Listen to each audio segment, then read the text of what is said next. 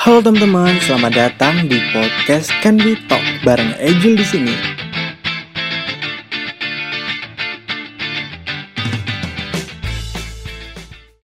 Assalamualaikum warahmatullahi wabarakatuh.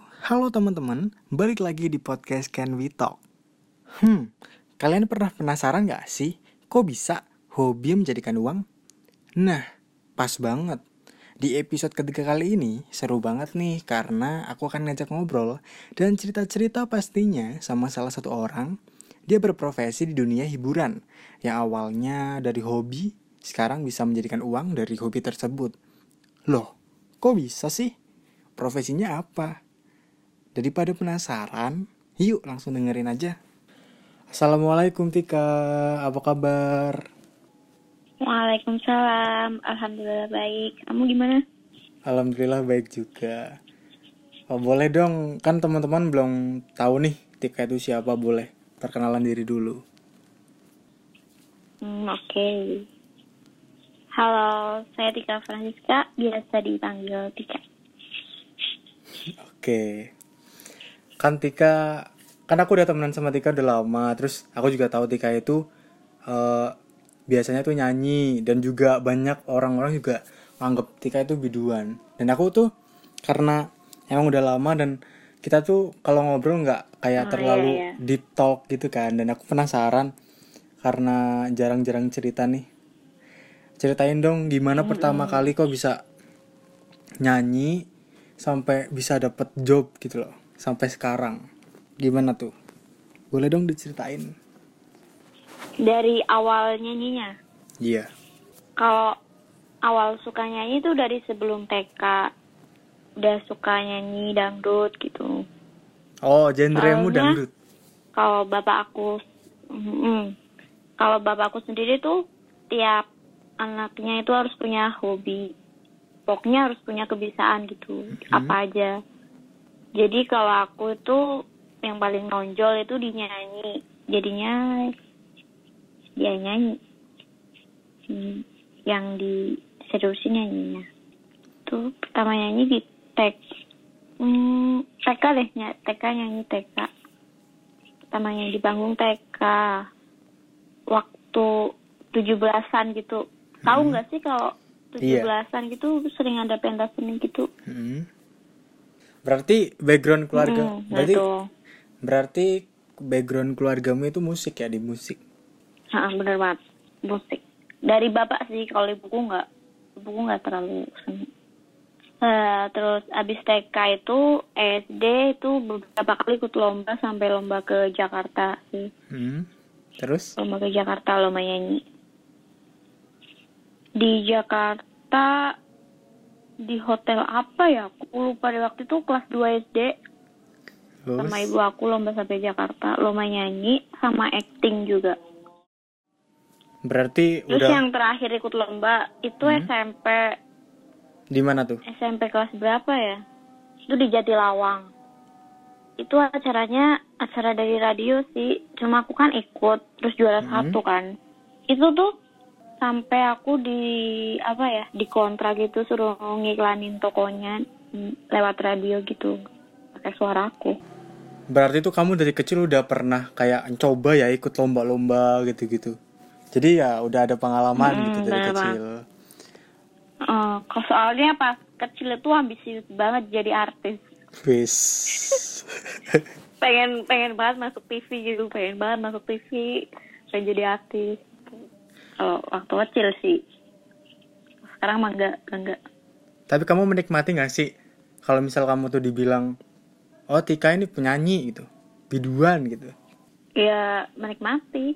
Aku malah suka sebenarnya kalau di anu, apa ya kalau dibilang penyanyi gitu suka tuh eh Tika ini yang suka nyanyi ya gitu. Iya gitu. Suka mau Udah sebagian dari profesi. ya nah, Terus? itu udah sebagian hidup aku deh kayaknya. Soalnya udah di kecil. Terus biasanya tuh kalau ngejob itu dapat apa aja sih? Di acara apa aja biasanya? maksudnya? Di acara apa? Kalau misal dapat job? Oh, kalau aku sih kebanyakan di itu hajatan gitu, loh. wedding, apa ulang tahun gitu pernah atau acara apa di lapangan keterbuka gitu. Seringnya sih di kayak gitu. Tapi kalau paling sering ya emang di hajatan. Paling sering.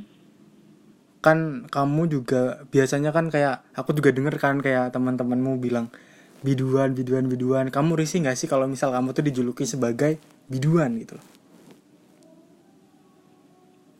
ya enggak sih soalnya kan ya emang beneran biduan gitu enggak enggak macam-macam nah, emang kalau beneran biduan ya kenapa risih gitu? Kan emang ya aku gini gitu kenapa marah gitu?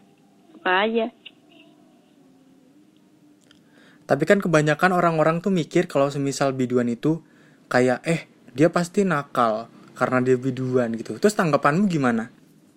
Ya emang ada sih maksudnya ya ada penyanyi kayak gitu tuh ada cuma kan ya nggak semuanya jangan hmm. disamaratain gitu. Jadi kita juga nggak bisa ya yang namanya kalau, menyamakan uh, gitu. Apa ya? Apa tuh? Sebenarnya kalau aku dibilang nakal gitu ya udah biasa aja kayak sama omongan-omongan gitu tuh kayak udah ah udah biarin aja gitu. Ntar juga diem sendiri gitu. Kayak dia tuh kamu belum tahu aku gitu. Jadi kalau kita ngeladenin ya percuma aja orang dia udah mikirnya gitu. Iya kan? Kalau hmm. kita ngeladenin malah. Bener bener bener. Mm.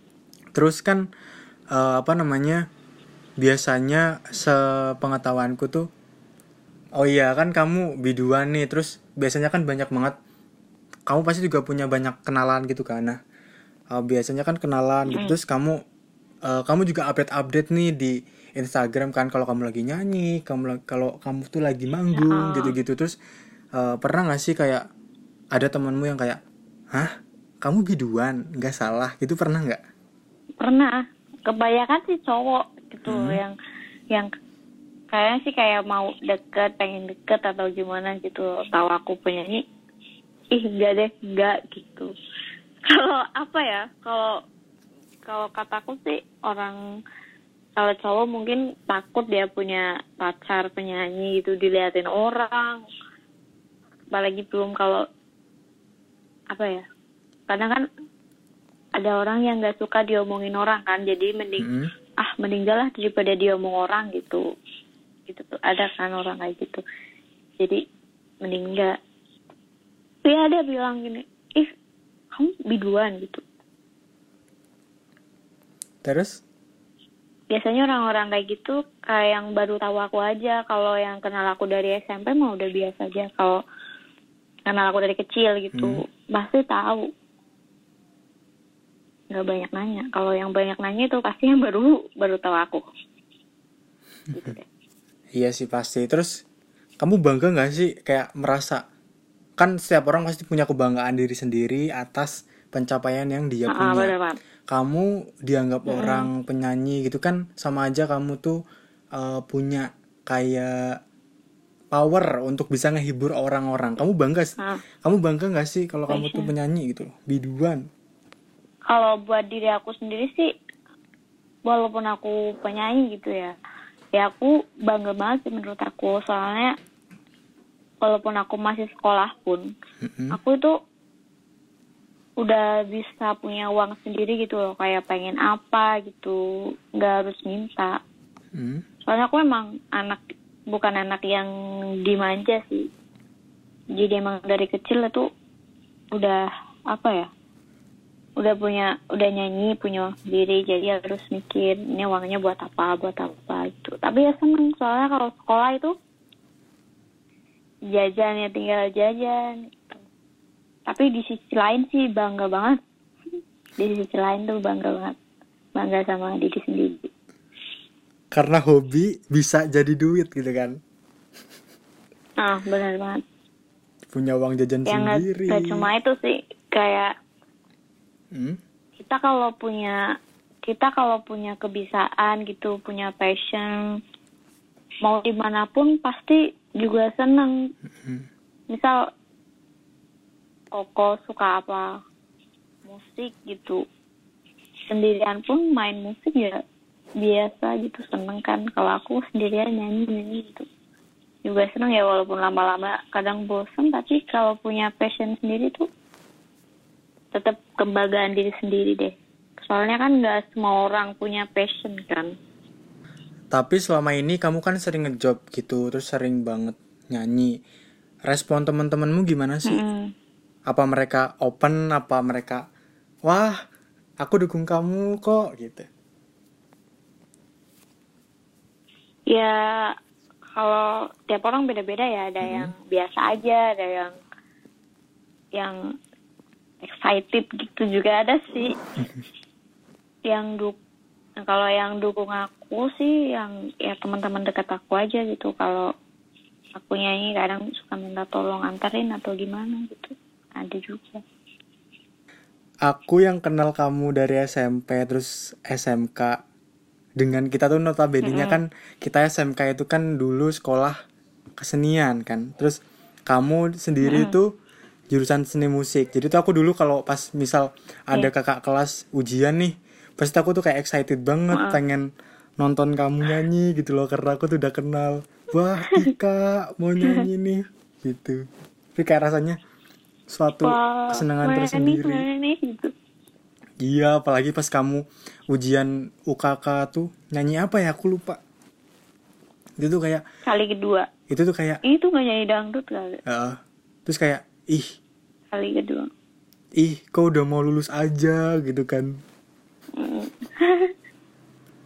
iya ya cepet banget tapi aku sampai sekarang juga masih ngerasa sih masih maksudnya masih berasa masa-masa SMA-nya tuh kalau aku sampai sekarang masih berasa kayak cepet banget perasaan baru kemarin masuk SMA deh gitu masih kemarin tiap pagi naik motor sampai Banyumas Mm-mm. Sekarang udah enggak Berangkat kangen sekolah sih. telat. aku aku kangen. Aku kangen zaman sekolah. Berangkat sekolah telat ngegodain Pak Amang. iya bener banget sampai apa upacara gitu ngumpet-ngumpet. Aku pernah loh. Aku kan kelas berapa ya? Kelas kelas 2 semester akhir deh kayaknya kan ngekos kan aku ngekos sama Ica kan satu kamar Oke, iya tahu. ja tahu kan Ica kan Tahu dong. tahu dong ya itu tuh wa- itu kan kosan ke sekolah itu sehempas doang ya kenapa lu berangkatnya selalu telat sampai kadang berangkat jam 9 Soalnya kita tuh ada pintu jauh. nerobos. kadang gue mikir ya Allah ini kos kosan sampai sekolah itu cuma sempat doang kenapa selalu telat gitu loh Tapi sumpah sih yang dirinduin di SMK itu kayak kita berangkat telat tuh kayak rasanya bangga gitu loh, bukan bukan malah merasa bersalah. Malah jadi apa namanya? tapi Jadi suatu kebiasaan gitu loh berangkat telat tuh. Eh, iya. Kadang walaupun telat aja masih pede banget itu naik motor sampai parkiran. Meskipun ada dihukum. kan? Sumpah itu kayak udah telat pede banget sampai parkiran lagi naik motor. Ngumpet-ngumpet gitu kan. Ih kangen banget jajan di kantinnya Bude. Ah, aku aku juga kangen banget ini deh. Kangen banget utang mie goreng Iya sumpah. Sering sering ngebon banget. Bude mau ngebon dulu ya, bayarnya besok. bayarnya besok kalau udah pulang rumah. Gitu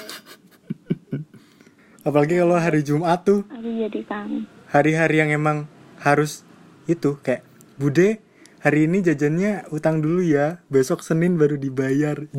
Jadi Sabtu Minggu tuh bude utang. pun dulu ya bude lanjut lagi nih. Ini adalah hal yang emang menurutku sangat-sangat pasti orang-orang juga kepo banget. Apalagi apalagi aku yang emang kepo banget sama profesi orang-orang gitu loh. Zaman sekarang kan Ah, zaman sekarang kan banyak banget nih yang namanya kekerasan. Kekerasan seksual gitu kan. Apalagi kamu sebagai penyanyi. Kan ngejob kan biasanya sampai tengah malam gitu kan nyanyi sampai tengah malam terus Hmm. terus juga eh, pernah nggak sih kamu tuh digodain gitu loh sama mas-mas atau siapa gitu pas kamu lagi nyanyi? Ya pasti pernah lah. Soalnya kan tempatnya kayak gitu, Mhm. dangdutan, banyak orang. Mabok, ngerokok lah, pasti kan banyak. Pernah, kalau yang aku paling inget sih itu. Waktu nyanyi di mana ya? Di Cilacap aja deh kayaknya. Itu tuh aku nyanyi. Tapi ada yang nyawer gitu. Biasa kan kalau dangdutan pasti ada yang nyawer. Cuma dia ngasih aku kertas, terus ada tulisannya gitu. Dikasih nomor, nomor dia. Jadi aku suruh Hmm. WhatsApp. Tapi aku nggak itu, nggak WhatsApp. Aku buang kertasnya. Ya kayak gitu deh. Biasanya kan kalau udah gitu kan pasti di luar. Eh itu tulisannya gini deh. Chatting, Mbak chatting aku, nanti aku sawer di luar gitu. Is sangat Kan menyeramkan. nakutin gitu. Tapi ya kalau nyanyi gitu kan masih yang nonton aja masih kadang itu. Mandang kita juga seenaknya gitu ya ada orang. Apalagi yang nggak nonton, apalagi yang nggak tahu. Padahal tergantung personalnya sendiri kayak ya nggak sih tergantung personalnya sendiri gitu kan Hmm, bener pasti. Juga nggak semuanya orang-orang yang berprofesi seperti itu tuh kayak selalu negatif gitu kan di luar dari bener pak. profesinya gitu Nggak bisa mutlak gitu nilai. iya jangan menilai orang karena ya dengan profesinya gitu loh apalagi menya- menyamaratakan semua profesi dengan hal yang negatif Hmm. aku tuh rasanya kalau misalnya gitu tuh kayak nggak semua orang kayak gitu loh guys gitu loh kayak pengen Mm-mm. bilangin kayak gitu Aku tuh kadang mikirnya ya, kayak dia tuh sebenarnya nggak ganggu. Maksudnya dia itu nggak ganggu, cuma kadang cara pandangnya dia yang bikin Mm-mm. ganggu. Maksud nggak? Mm-mm. Dia itu nggak ganggu, cuma cara pandangnya dia yang bikin ganggu gitu loh.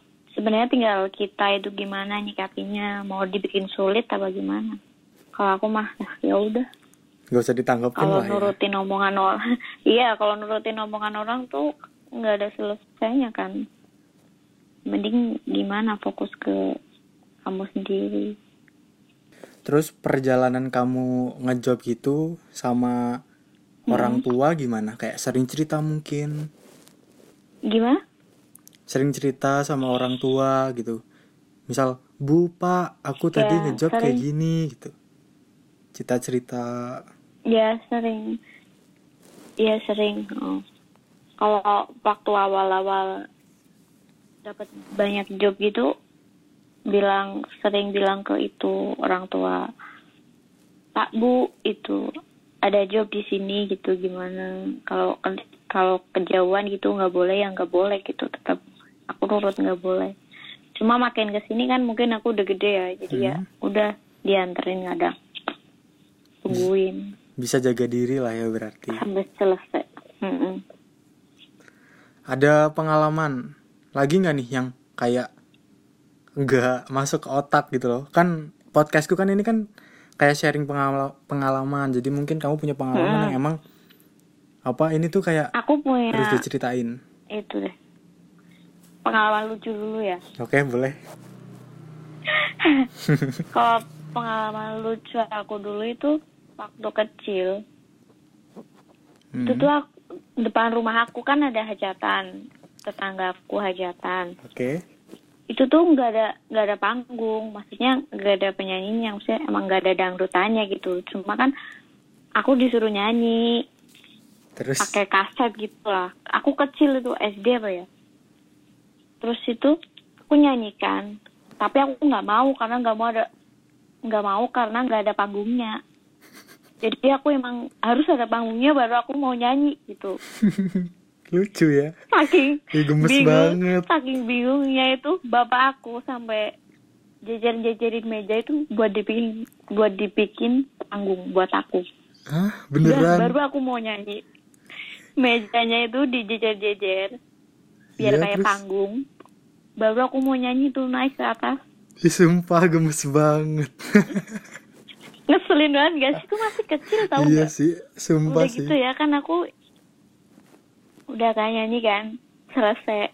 lah aku diledekin sama bapakku sampai Terus? sekarang aku masih inget nyanyi kok kayak tiang listrik gitu katanya itu aku diem aja badannya cuma yang nyanyi itu mulutnya doang nyanyi cuma aku itu badannya diem aja gitu jadi waktu itu aku bete udah terus pulang nangis gak mau nyanyi lagi Sumpah itu gemes banget pas kecil. ya ampun itu masih kecil. Gemes banget emang sih kalau aku inget-inget tapi katanya sih ngeselin. Kalau kata bapakku itu aku paling ngeselin. Soalnya kalau diajarin gitu nggak bisa suka banting. Banting mic gitu. Nadanya salah. Ya dibilangin gini gak suka dibanting micnya. Barbar ya bu, ternyata anda. barbar dari kecil. Ya itu cerita lucu sih. Ya nggak lucu. Eh, oh yang kok yang gak enaknya apa ya kalau nggak enaknya itu aku pertama nyanyi Hmm. Apa SMP ya ya nggak enak sih enak-enak aja sih menurut aku kalau yang nyanyi itu aku pertama nyanyi di panggung bayaran cuma tiga puluh lima ribu itu nyanyi siang malam Wah, tiga puluh lima siang ribu. malam Tiga puluh lima ribu siang cuma malam. tiga puluh hah tapi waktu itu tuh aku nggak mandang nominalnya sih cuma Hmm. mandang uh seneng banget dapet uang gitu pertama nyanyi gitu excited banget gitu Itu kapan? Pas apa SMP? SD Oh SD. SD SD deh SD SD udah dapat uang tiga puluh lima ribu tuh gimana ceritanya nggak seneng Itu udah gede Oh, banget pas zaman SD tau gak sih? tapi waktu udah waktu waktu udah tahu itu bayarannya mahal ya Hmm? Terus aku inget ih kok dulu aku bayarnya cuma tiga puluh lima ribu ya? Gitu pikirnya Padahal itu Waktu sebuah itu, waktu udah waktu udah tahu itu kesel pas pas baru pertama bayaran padahal aku seneng banget. Tapi pas udah tahu ih kok cuma tiga puluh lima kok cuma tiga puluh lima ribu ya dulu ya? Gitu. Agak kesel gitu. Padahal itu sebuah achievement kalau the first time ya, tapi ya udahlah nyanyi. gitu. Iya. Terus gimana? Ada lagi? pernah nyanyi juga pernah nyanyi juga nggak dibayar gitu Ih, gimana Juga tuh? siang malam juga Gimana tuh? sekali nggak dibayar ya loh Gimana tuh kejadiannya? ya di sekitar aku aja padahal aku kenal orangnya dan dia itu udah kayak kan aku udah mau pulang kan dia Hmm. bilang ini bayarannya aku transfer aja gitu ya udah aku kan kasih udah kasih rekeningnya ya sampai sekarang nggak pernah tuh ditransfer gitu. Sakit banget ah ya udahlah gitu. Mungkin dia lebih butuh gitu. Pemikirannya gitu. Itu kejadiannya kapan?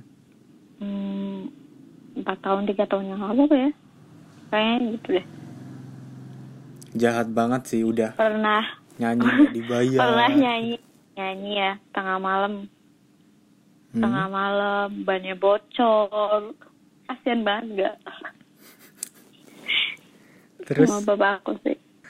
Berarti yang banyak paling ngenes sih. Ah kalau kalau yang paling ngenes sih menurut aku waktu itu aku nyanyi di mana ya?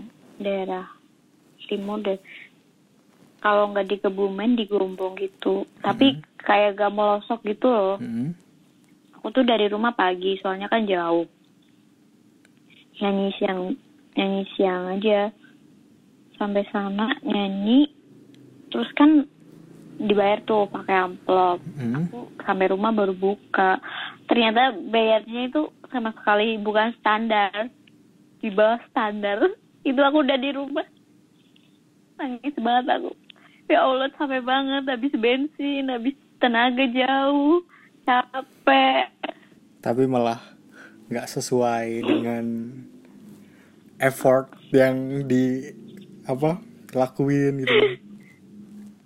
Heeh. Kamu matok Tapi harga ya, gitu nggak sih? banyak sih Kamu Nggak matok cuma, nggak sih? nggak cuma aku aja sih emang banyak yang ngalamin kayak gitu pasti penyanyi penyanyi Tapi kamu matok nggak sih kalau misal kamu ngejob gitu? Matok.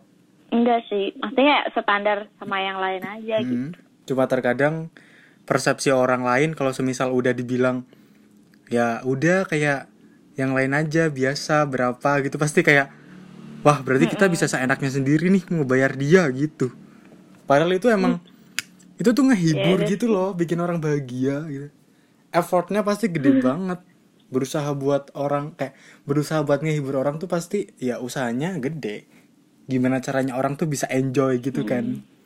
Iya bener sih. Kadang tuh kalau walaupun kita lagi bete ya di panggung itu juga harus seneng tau nggak? Mm-mm.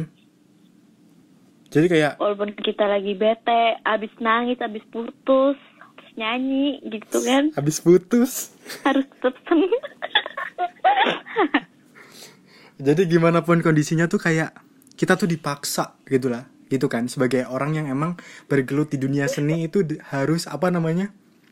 Profesional gitu. Mau putus profesional. mau diselingkuhin mau diputusin gitu kayak harus tetap ceria dan senyum terus lah ya masa aku harus ngomong lo tau gak sih gue ini baru diputusin. Masa gue harus ngomong sama penontonnya kan. Masa nggak nyanyi bisa. masa nyanyi di panggung marah-marah gara-gara diputusin kan nggak enak lah iya. Banget orang kita lagi cemberut gitu terus senyum gitu ada males kadang kan dari cerita-cerita kamu Iya, nih. gitu. dari cerita-cerita kamu dari senengnya dari dukanya dari sialnya Hmm. dari cerita lucunya kamu. Terus kamu pengen ngomong apa buat orang-orang yang emang masih memandang suatu profesi yang kamu sekarang lagi Hmm. gelutin tuh selalunya negatif gitu loh. Aku pengen denger. Soalnya kan banyak di luar sana masih orang yang masih banyak orang yang emang nggak open minded gitu loh. Boleh dong hmm, dikasih itu statementnya. Pertama-tama ya terima kasih gitu. Udah apa ya selalu perhatiin aku sampai jelek-jeleknya gitu Hmm. diperhatikan. Berarti kan dia selalu memperhatikanku di mana pun kapan pun. Thank you. Apalagi ya hmm, pokoknya ya jangan sama ratakan semua profesi orang tuh kayak gitu enggak enggak semua orang kayak gitu. Bener. Kayak kadang kalau menurut aku itu penilaian orang lebih sering bersifat negatif. objektif aja gitu. Jadi dia nggak tahu aslinya kayak gimana. Kadang kita kalau sama temen yang ini aja beda kan. Hmm. sama temen ini gini sama temen ini gini. Kayak bukan palsu sih cuma tahu tempat aja gitu. Ngerti nggak? Iya ngerti. Mm-mm, gitu deh.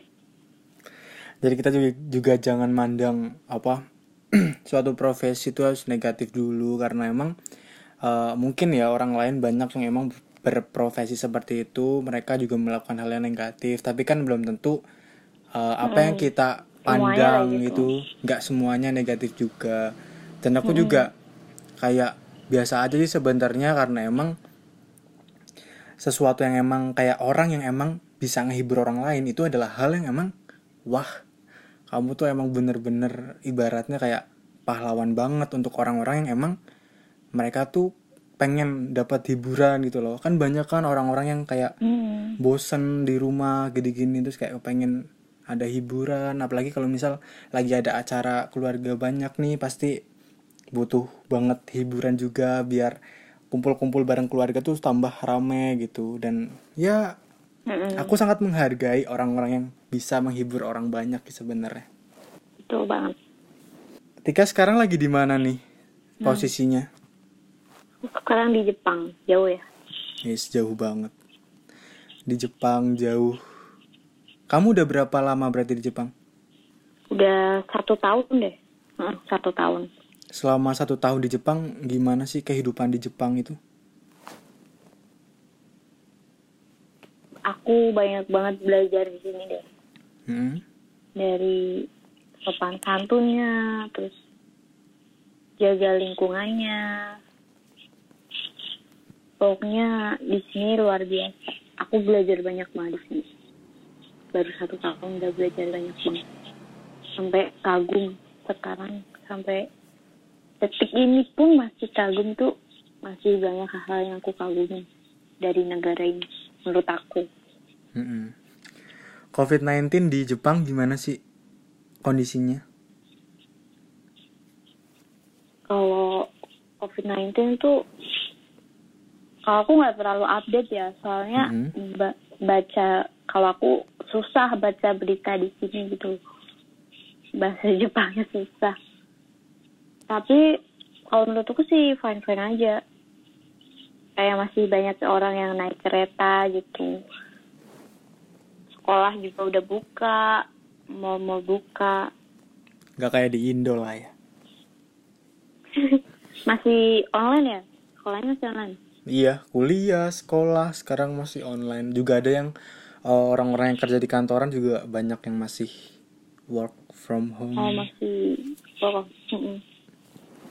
Tapi mall udah buka kan aku lihat Iya, udah yang buka. nongki nongki Hmm. Mall, kafe udah pada buka. Malah banyak kafe-kafe Iya kan, baru sekarang tapi- yang udah buka gitu loh. iya kan tapi sayang banget ya sekolahnya belum ya Mm-mm. Ya takutnya nyebar semoga sih. bisa cepet masuk sih Iya, biar aku tuh nggak kuliah online terus, bosen. pusing ya Bosen banget, sumpah. Meskipun sering pusing ya banyak yang ngeluh deh banyak yang ngeluh banget emang sih kuliah online bikin pusing tugasnya banyak gitu Sumpah itu tuh kayak nyiksa banget. Banget. Tapi ya mau gimana lagi kan. Demi kesehatan juga. Harus dilakuin lah. masa depan Makasih banget Tika udah cerita-cerita. Aku jadi Oke. tahu sekarang kayak lebih pikirannya terbuka dan teman-teman juga mungkin yang denger bisa lebih apa namanya punya pandangan gitu loh dan tahu nggak semuanya profesi itu ya buruk gitu loh. Terus apa namanya? itu juga kayak mungkin hal-hal yang kayak gini mungkin nggak nggak banyak dibahas orang-orang karena emang eh, itu terpaku dalam satu pandangan jadi kebanyakan pandangannya tuh emang ya nggak bak kayak nggak gimana ya kayak susah diterima padahal ya ada hal yang emang apa ada hal positifnya dan kebanyakan itu hal positifnya menurutku gitu loh Mm-mm. makasih banget jadi aku tahu jadi emang nggak ya emang nggak nggak semua omongan orang itu ya kayak Hmm. gitu sebenarnya emang ada tapi ya tolong jangan disamaratakan gitu Mm, Kembali lagi, jangan disamaratakan Hmm. semua profesi. Itu sih, jadi ya banyak banget. Kayaknya kita kalau misal cuma ngobrol satu jam aja kita nggak cukup deh kem sebenarnya. iya emang aku cerewet kamu juga cerewet Mm-mm. jadinya itu nanti sampai pagi bisa Mungkin kasihan yang dengerin deh mungkin lain kali kita harus podcast selama dua jam atau tiga jam gitu, biar Eh, kayak dua jam gak ngapa-ngapain ngobrol doang. senam mulut lah ibaratnya senam tenggorokan juga. Ya dipetah-petahin di Jepang, jaga kesehatan terus. Oke di masa pandemi ini kan makasih di masa pandemi itu kan kamu harus juga semangat Ah. kuliahnya iya aku semangat banget meskipun kadang sambat biar bisa S2 alhamdulillah kalau misal itu ada jalannya untuk S2 saya akan melanjutkan mbak. Semangat. Makasih itu bang. yang penting harus semangat. Hmm, kalau nggak semangat nanti nggak hidup. Oke yang penting juga bersyukur juga harus sih sebenarnya dalam menjalani hidup. Hmm, iya. dan pastinya cinta diri sendiri gitu. Itu jangan sampai lupa. Nomor satu. Itu nomor satu harus. Hmm. love yourself. Sekali lagi terima kasih banyak oke Semoga nanti kalau misal kamu balik ke Indonesia bisa ketemu ngobrol ke Jogja sini biar nanti main. Nanti aku nanti aku jadi siap tour tunggu aku di. Jogja ya aku pulang ini udah ada Planning. rencana Hmm. Ya udah planning itu pengen di Jogja jalan-jalan sama teman-teman aku kangen banget sih sama Jogja aku asli Iyalah jangan sampai kamu nggak ke Jogja. Kan Jogja apa? Intinya hal-hal yang emang istimewa itu ada di Jogja. Anjay. Makasih banget, semoga nanti bisa ketemu lagi di podcast-podcast selanjutnya kalau misal kita tuh ada pembahasan lagi. Dan ya, see you. see you Wassalamualaikum, Tika. Dadah. Waalaikumsalam bye bye Itu ya buat kalian yang udah dengerin podcast Talk. Jangan lupa ya stay tune di episode-episode selanjutnya. Dadah, bye-bye, see you love. Wassalamualaikum warahmatullahi wabarakatuh.